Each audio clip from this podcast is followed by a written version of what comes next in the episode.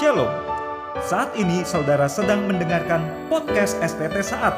Podcast ini berisi penyampaian firman Tuhan yang bukan hanya akan memperluas pemahaman iman, namun juga akan mentransformasi kehidupan saudara.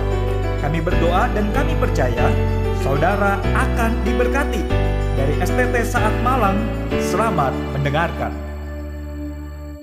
Shalom Bapak Ibu Saudara yang dikasih Tuhan. Saudara mari kita buka Alkitab kita dari ratapan 5. Saya beri uh, judul untuk khotbah yang akan saya sampaikan Restore us O Lord, pulihkan kami O Tuhan. Dari ratapan 5 ayat 1 sampai 22.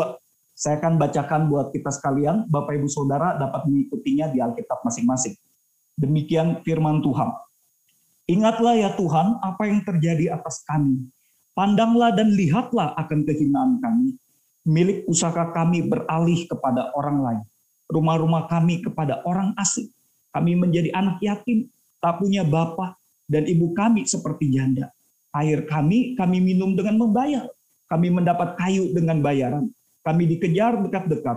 Kami lelah, bagi kami tak ada istirahat. Kami mengulurkan tangan kepada Mesir dan kepada Asyur untuk menjadi kenyang dengan roti Bapak-bapak kami berbuat dosa, mereka tak ada lagi. Dan kami yang menanggung kedurjanaan mereka. Pelayan-pelayan memerintah atas kami, yang melepaskan kami dari tangan mereka tak ada. Dengan bahaya maut, karena serangan pedang di padang gurun, kami harus mengambil makanan kami. Kulit kami membara laksana perapian karena nyerinya kelapa. Mereka memperkosa wanita-wanita di Sion dan gadis-gadis di kota-kota Yehuda. Pemimpin-pemimpin digantung oleh tangan mereka. Para tua-tua tidak dihormati. Pemuda-pemuda harus memikul batu kilangan. Anak-anak terjatuh karena berarti pikulan kayu. Para tua-tua tidak berkumpul lagi di pintu gerbang. Para teruna berhenti main kecap. Lenyaplah kegirangan hati kami. Tari-tarian kami berubah menjadi perkabungan. Mahkota telah jatuh dari kepala kami. Wahai kami, karena kami telah berbuat dosa. Karena inilah hati kami sakit. Karena inilah mata kami jadi kabur. Karena bukit Sion yang tandus, di mana anjing-anjing hutan berkeliaran Engkau ya Tuhan bertata selama-lamanya. Tatamu tetap dari masa ke masa. Mengapa engkau melupakan, kami selama-lamanya? Meninggalkan kami demikian lama. Bawalah kami kembali kepadamu ya Tuhan. Maka kami akan kembali. Baharuilah hari-hari kami seperti dahulu kala. Atau apa engkau sudah membuang kami sama sekali? Sangat murkakah engkau terhadap kami?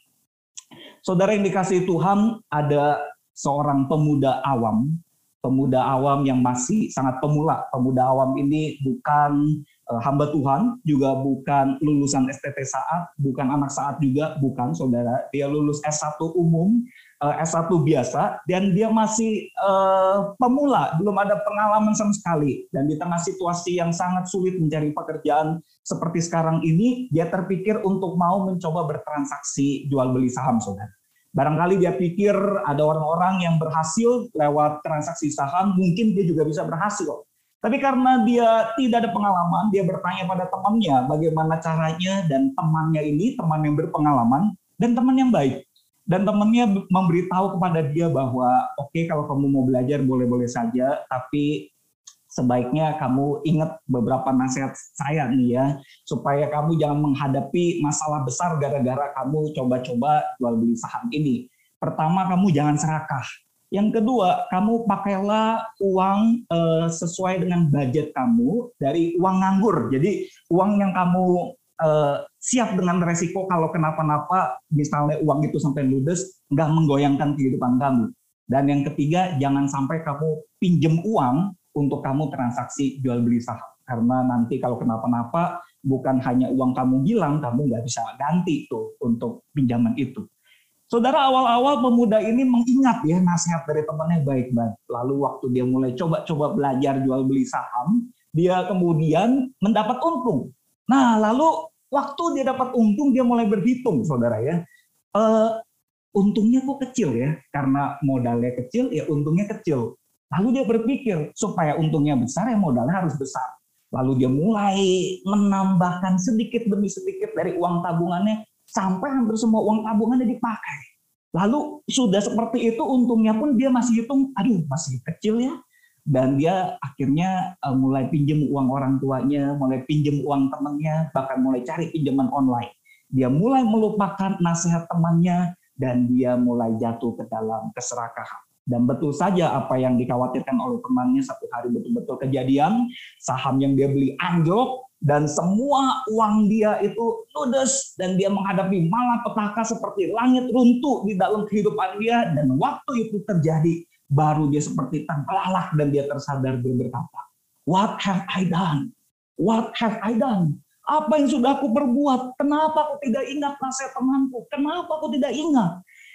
Nah saudara yang dikasih Tuhan di dalam hidup kita, selama kita menjadi orang Kristen, sejak kita lahir baru sampai hari ini, tentu sudah banyak sekali nasihat-nasihat dari Tuhan yang sudah disampaikan kepada kita. Baik melalui saat teduh pribadi kita ketika kita membaca firman Tuhan, maupun melalui khotbah-khotbah dalam chapel yang kita dengarkan selama ini, atau dalam khotbah hari Minggu yang kita hadiri maupun di dalam pertemuan pemuritan, kelompok kecil, KTB kita atau dalam percakapan rohani dengan kakak rohani, pembimbing rohani, mentor, tutor atau konselor kita.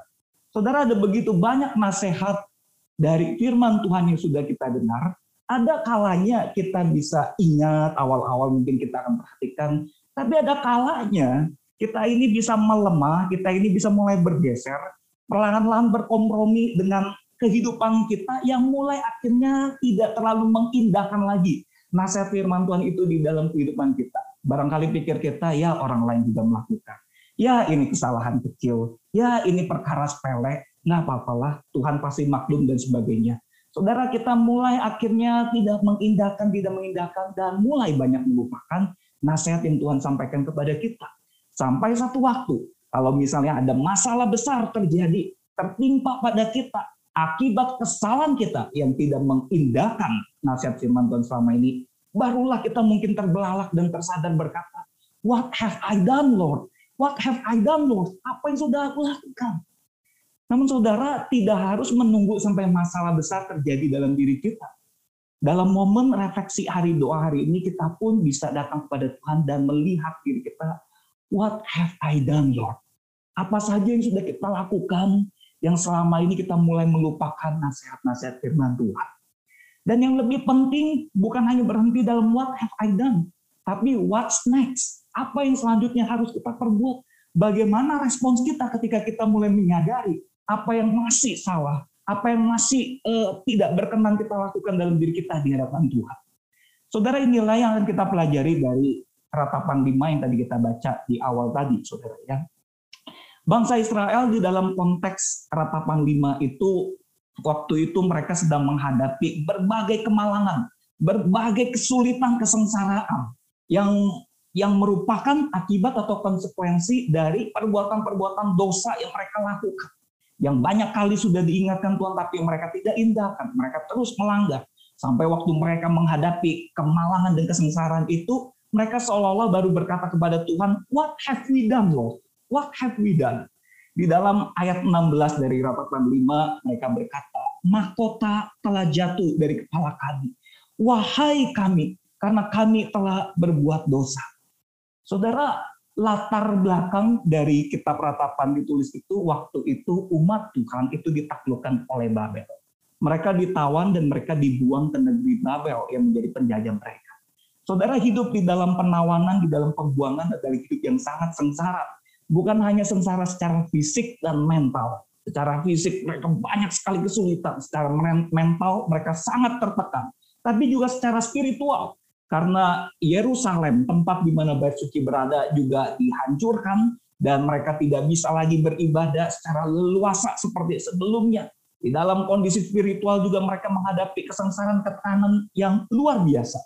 Nah, saudara, di dalam uh, berbagai tekanan kesengsaraan seperti itu, penulis kitab ratapan itu menuangkan keluh kesahnya, menuangkan doa dan permohonannya kepada Tuhan di dalam lima pasal kitab ratapan ini, saudara. Nah, menariknya kalau kita lihat di dalam bahasa aslinya, pasal 1 sampai 4 dari kitab ratapan ini ditulis dengan gaya penulisan sastra puisi akrostik. Akrostik itu apa, saudara?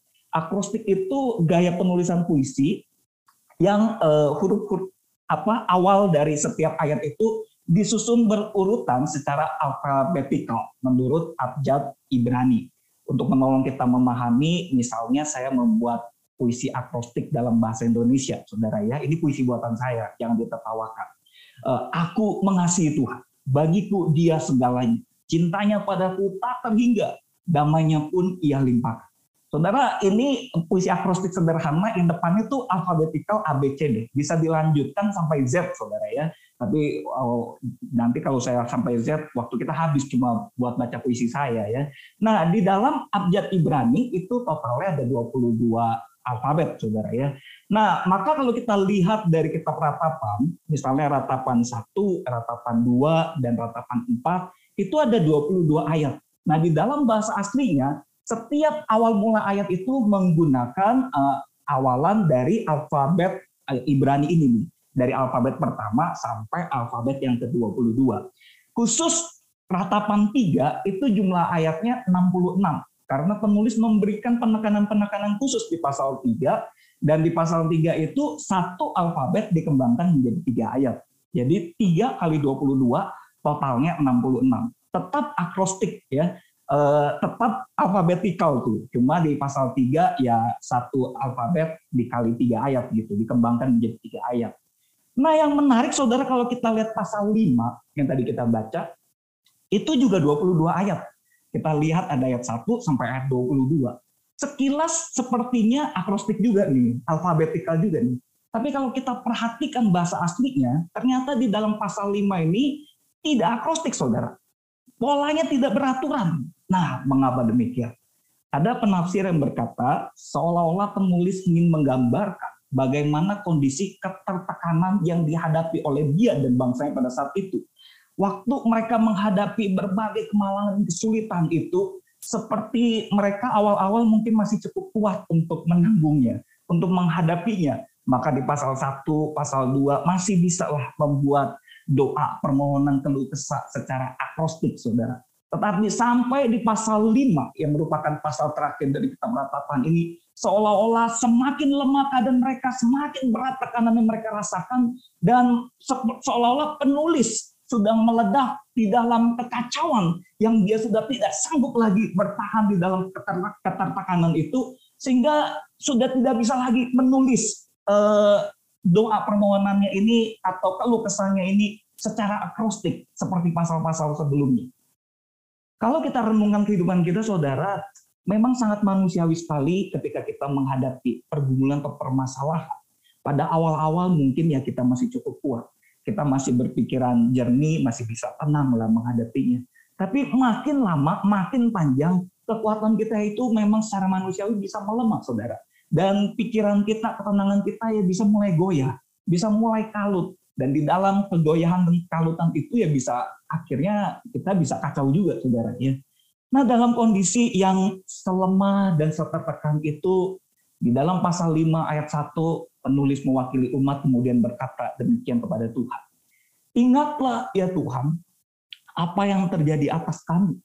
Pandanglah dan lihatlah akan kehinaan kami. Saudara, apa yang terjadi atas mereka? Dan apa kehinaan yang mereka alami.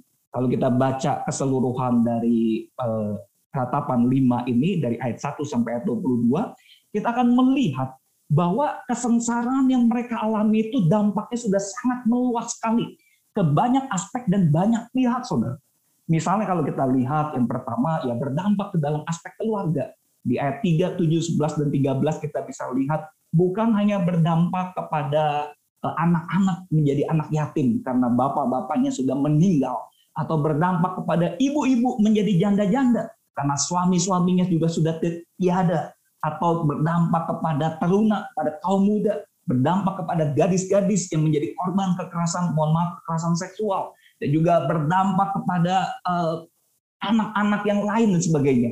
Juga menimbulkan dampak juga dalam aspek ekonomi, saudara harta milik mereka, milik usaha mereka dirampas. Mereka jadi kesulitan untuk memperoleh kecukupan bahan makanan dan minuman.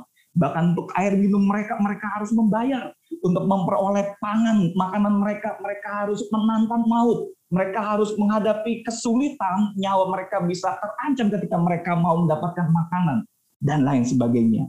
Juga berdampak dalam aspek politik tentunya. Pemerintah mereka runtuh, mereka berada di dalam penawanan penjajah yang tadinya adalah pelayan sekarang menjadi uh, penindas mereka, menjadi orang yang ada di atas mereka yang memerintah atas mereka.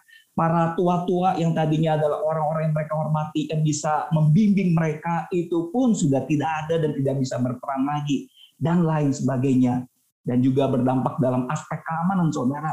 Mereka tidak ada keamanan sama sekali. Anak-anak gadisnya tidak ada yang melindungi. Mereka bisa jadi korban kekerasan dan sebagainya. Dan juga berdampak dalam aspek kesehatan. Kalau kita lihat ayat 10, kulit kami membara laksana perapian karena nyerinya kelaparan. Kondisi kelaparan membuat uh, fisik kesehatan mereka juga terdampak, saudara. Karena mereka kurang gizi, karena mereka kurang kecukupan bahan pangan, berdampak ke dalam kondisi fisik mereka, kulit, dan sebagainya. Dan yang terakhir juga berdampak pada aspek spiritualitas mereka. Sebagaimana yang tadi sudah kita singgung sebelumnya. Waktu bait Allah uh, sudah diruntuhkan, Yerusalem uh, dihancurkan, mereka akhirnya tidak bisa beribadah lagi seperti sedia kala. Kegirangan atau sukacita waktu mereka beribadah sebelumnya itu telah lenyap dan mereka seolah-olah merasa ditinggalkan, mereka seolah-olah merasa jauh dari Tuhan dan mereka betul-betul menghadapi kondisi yang secara spiritualitas juga sangat berat, sangat tertekan, sangat sulit sekali. Nah, dalam berbagai kemalangan seperti ini yang sudah diungkapkan oleh penulis kitab ratapan ini, mereka kemudian eh, menunjukkan responsnya kepada Tuhan, saudara. Nah, respons inilah yang perlu kita pelajari sebagai respons kita waktu kita berefleksi, terutama tentang kondisi kita di hadapan Tuhan, kondisi keberdosaan kita, kondisi yang masih menjadi kelemahan-kelemahan dalam diri kita di hadapan Tuhan. Nah, untuk menolong kita mengingat respons yang uh, dilakukan oleh umat Israel yang bisa menjadi pelajaran penting bagi kita hari ini, saya menyingkatnya menjadi 3R. 3R merupakan singkatan dari bahasa Inggris, tiga kata yang berawalan huruf R, untuk menolong kita mudah mengingatnya.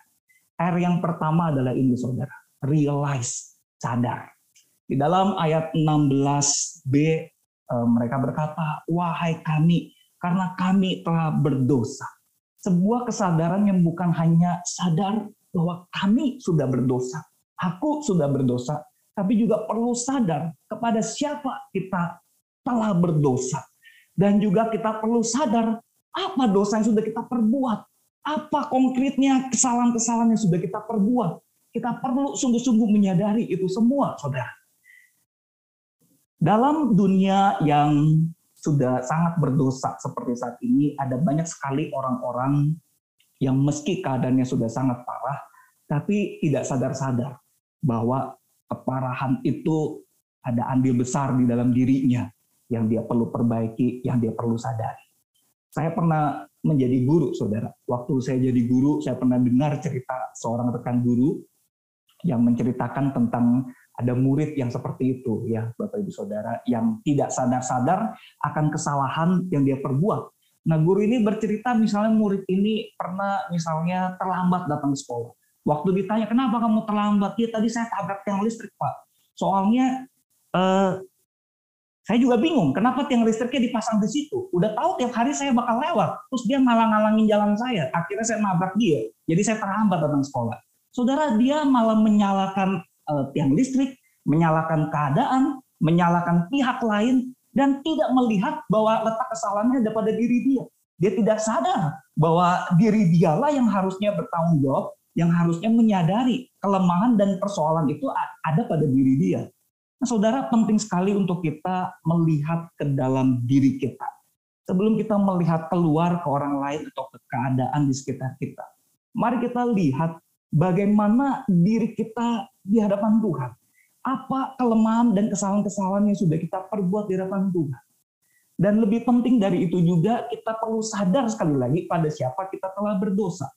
Di dalam ayat 19 penulis ratapan berkata, Engkau ya Tuhan, bertata selama-lamanya tatamu tetap dari masa ke masa.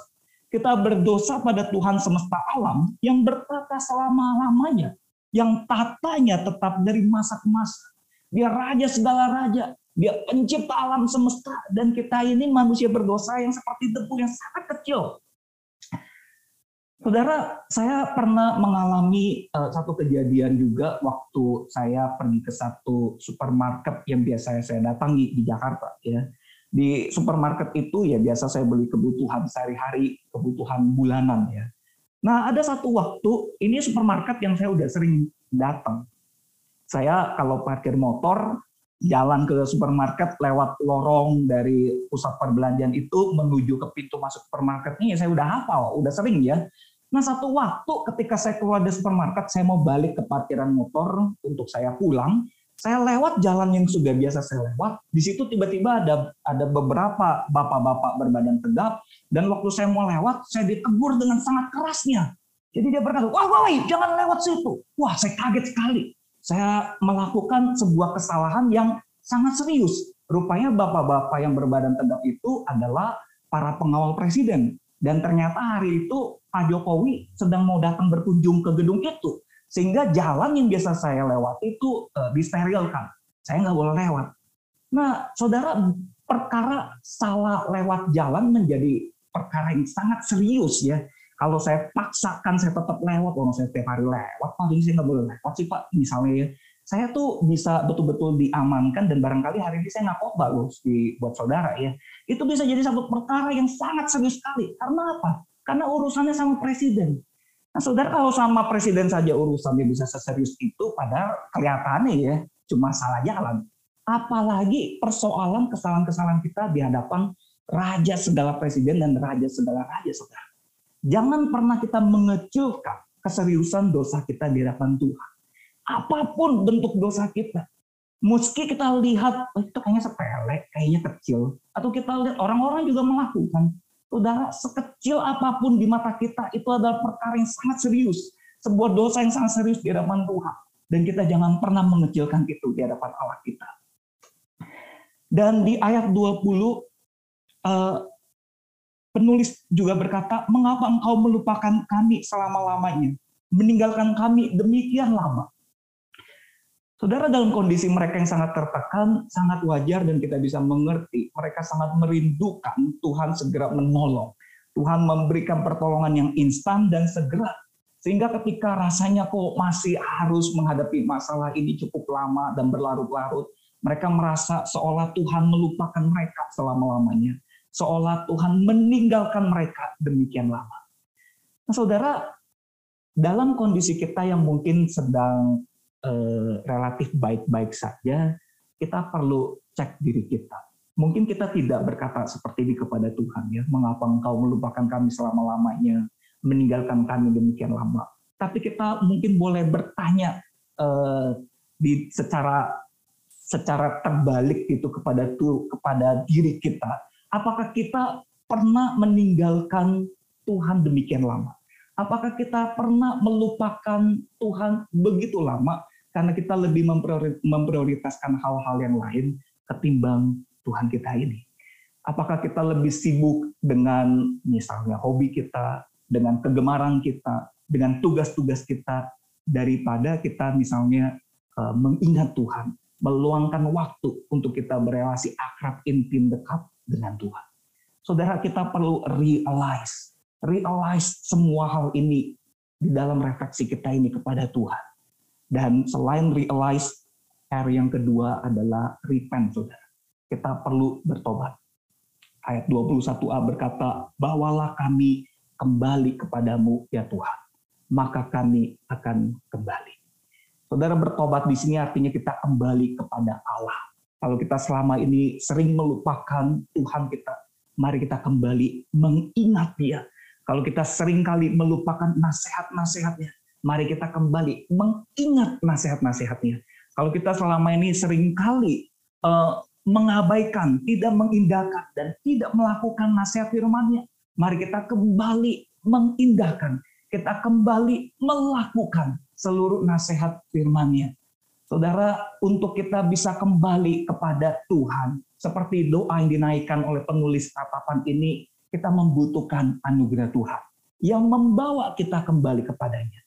Karena anugerah Tuhanlah yang bisa membawa kita kembali kepadanya, maka kita akan kembali. Saudara untuk menolong kita memahami makna anugerah Tuhanlah yang bisa membawa kita kembali. Ada satu catatan di dalam Lukas 22 ayat 31 sampai 32 yang bisa menolong kita untuk memahami hal ini. Di dalam bagian itu Tuhan Yesus berkata kepada Simon Petrus yang beberapa waktu kemudian akan menyangkal Tuhan Yesus tiga kali.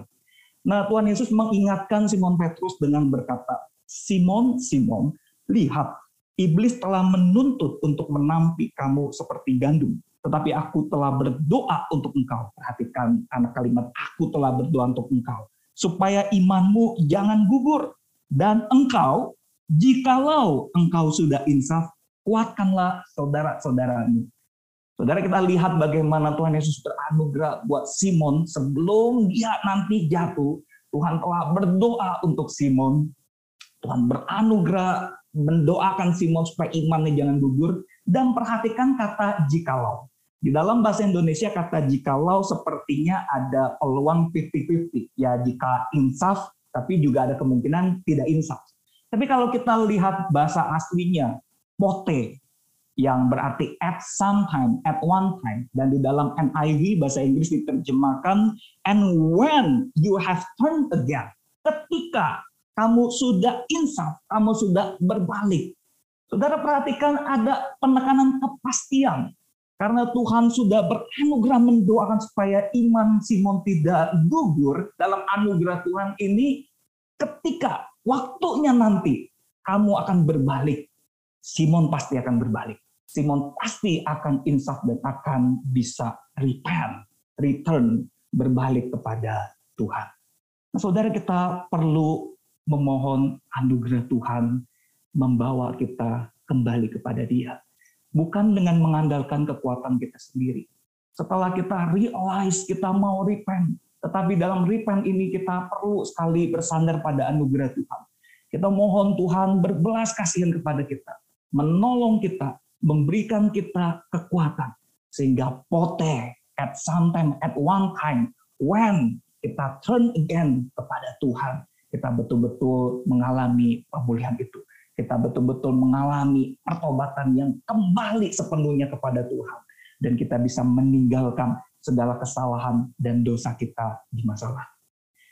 Saudara, R yang ketiga selain realize dan repent adalah restore, pulih. Ayat 21b eh, penulis berkata, "Baharuilah hari-hari kami seperti dahulu kala." Bapak Ibu Saudara kasih Tuhan ketika kita menghadapi situasi yang sulit, ketika kita menghadapi persoalan-persoalan besar, terutama persoalan itu akibat konsekuensi kesalahan kita. Kita secara manusiawi ingin cepat-cepat langsung tiba di sini, tiba ke dalam restorasi, tiba dalam keadaan kita sudah dipulihkan. Seringkali kita skip fase realize dan repent. Tetapi untuk sampai ke dalam satu titik kita mengalami pemulihan relasi dengan Tuhan, pemulihan dalam berbagai aspek keadaan kita, mengalami restorasi, memerlukan sebuah realize dan juga repent. Saudara di akhir dari ratapan 5, penulis menulis dalam bentuk pertanyaan terbuka yang berbunyi demikian saudara. Atau apa engkau sudah membuang kami sama sekali? sangat murkakah engkau terhadap kami? Penulis kitab ratapan dan umat Israel pada masa itu memang tidak tahu dan mereka belum bisa melihat bagaimana karya restorasi terbesar yang Tuhan nyatakan melalui Tuhan kita Yesus Kristus yang korbankan dirinya di atas kayu salib untuk merestorasi, memulihkan keadaan kita dari seluruh keberdosaan kita, mendamaikan relasi kita dengan Allah yang terputus karena dosa kita Saudara, tapi hari ini kita yang hidup di zaman sekarang, lewat pemberitaan firman Tuhan, lewat Injil yang sudah tercatat, kita bisa mengetahui karya restorasi yang terbesar ini.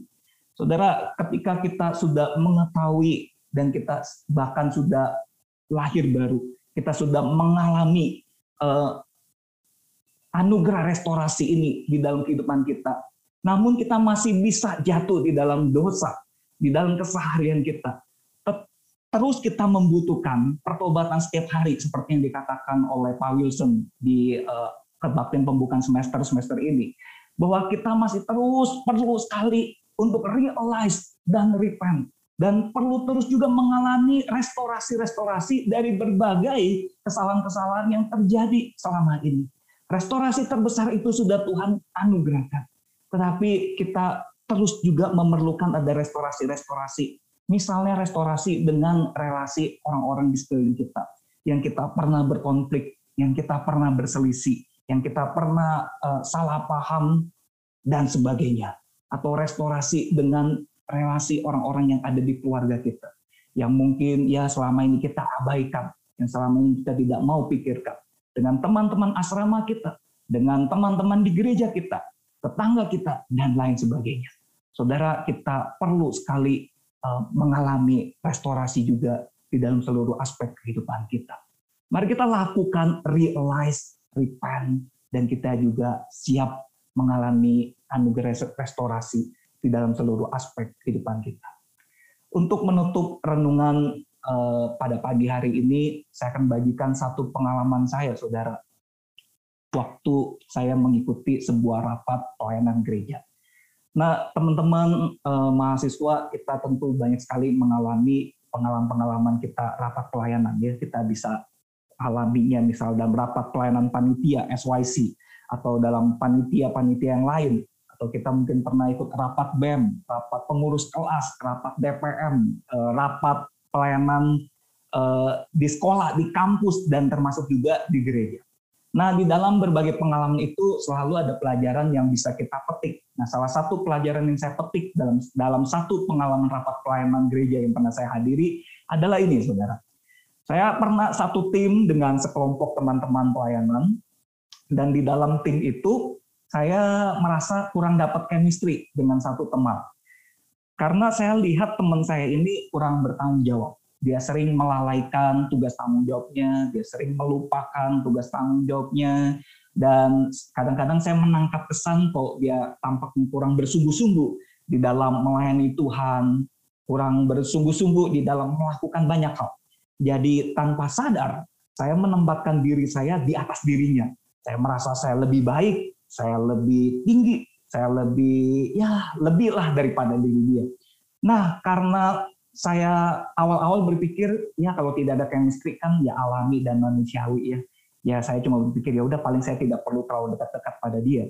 Tapi tanpa sadar kompromi saya yang tidak saya sadar ini kemudian perlahan-lahan bergeser menjadi sebuah kepahitan saudara. Menjadi sebuah keadaan yang saya makin tidak nyaman eh, misalnya kalau mendengar suara dia ketika dia berpendapat di dalam rapat itu saudara ya kalau dia rapat kok saya kayaknya makin eh, nggak uh, betah gitu. Dan kalau dia mulai bersuara, kayaknya saya kepengen misalnya ya keluar dulu. Atau misalnya saya kalau duduk dalam rapat itu nggak kepengen duduk dekat-dekat dengan dia. Saya mulai sadar ada sesuatu yang salah dalam diri saya. Saya kemudian ya sesekali mendoakan tapi tidak bagaimana mendoakan saudara ya karena saya pikir ya mungkin itu manusiawi lah kadang ya kita bisa ada chemistry bisa cocok-cocokan dengan orang tapi makin lama makin tidak beres dan sampai satu waktu betul-betul akhirnya terjadilah peristiwa yang betul-betul sangat saya sesali. Dalam satu pertemuan rapat ketika teman saya ini berbicara, hari itu saya betul-betul seperti kehilangan kendali. Saya melakukan blunder luar biasa, saya memberikan tanggapan kepada dia dengan kata-kata yang sangat menyakiti yang sangat melukai hati dia. Saudara, maksudnya saya, saya berusaha menata sedemikian rupa supaya kata-kata itu jangan sampai melukai dia. Tapi apa mau dikata, waktu itu betul-betul ya saya sudah bocor, nggak bisa lagi, dan uh, luberlah ya sebuah ungkapan hati saya yang memang sudah tidak beres itu, dan keluarlah kata-kata yang sangat melukai, menyakiti dia. Sampai teman saya ini menitikkan air mata di tengah rapat itu sampai suasana rapat sudah sangat tidak enak dan rekan-rekan saya yang baik itu beberapa mencet saya, menegur saya, Wengpo kamu begitu, kamu blunder sekali dan sebagainya dan saya sadar sekali saat itu saya betul-betul seperti disadarkan oleh Tuhan saya tidak lebih baik dari teman yang saya kira saya lebih baik dari dia. Saya jauh lebih buruk dari teman saya ini. Dan saya betul-betul saat itu saya merasa sangat bersalah sekali. Saya merasa sangat hancur sekali Dan dalam kondisi yang sudah kurang kondusif itu, akhirnya pemimpin rapat menghentikan rapat, dan ya kami bubar. Dan waktu bubar, saya cepat-cepat masuk ke dalam satu ruangan. Saya ingat saya berlutut, saya meratap di hadapan Tuhan, saya berkata, Tuhan, saya sangat berdosa. Saya sudah tinggi hati. Saya menganggap diri saya lebih baik dari teman saya itu. Hari ini Tuhan sadarkan saya bahwa saya tidak lebih baik. Saya bahkan jauh lebih buruk daripada teman saya itu. Dan saya berdoa, saya mohon Tuhan kalau boleh tolong saya supaya bisa restore, bisa terpulihkan relasi yang sudah buruk ini ya. Saya sudah jadi batu sandungan juga buat teman-teman saya yang lain. Dan saya memohon Tuhan berbelas kasihan, menolong supaya kesalahan saya yang fatal ini bisa dipulihkan. Dan Tuhan menolong saya, saudara. Selesai saya berdoa, saya masih kacau balau, saya merasa mendapatkan kekuatan dari Tuhan untuk eh, memberanikan diri mencet teman saya yang sudah saya lukai itu untuk cepat-cepat saya minta maaf. Nah, saudara, waktu saya chat teman saya itu, saya minta maaf. Saya sebetulnya sudah siap dengan respon, saya tidak dimaafkan. Karena memang sudah sangat melukai ya. Saya sendiri tidak terlalu ingat saya ngomong apa, tapi yang saya ingat adalah dia sangat terluka, dia menangis. Eh, saya sudah siap kalau teman saya nggak mau balas, kalau teman saya tidak maafkan, tidak apa-apa. Tetapi di luar dugaan, selang beberapa menit saja, teman saya itu yang meski masih sangat sedih, dia balas saya. Dia berkata, Weng, saya minta maaf belum belum bisa merespon kamu karena saya masih terluka. Tolong kasih saya waktu ya sampai saya tenang. Saudara, waktu saya baca balasan itu, makin saya terharu dan saya tersentuh. Saya makin melihat saya betul-betul jauh lebih buruk dari teman saya ini. Teman saya meski sudah terluka, dia masih mau meresponi saya. Dan kemudian setelah dia sudah betul-betul membaik, dia berkata, Weng, saya sudah lebih baik. Kita bicarakan yuk, apa sih yang terjadi antara kita ya. Dan saya berkata, aduh terima kasih sekali. Dan singkat cerita kami ketemuan empat mata.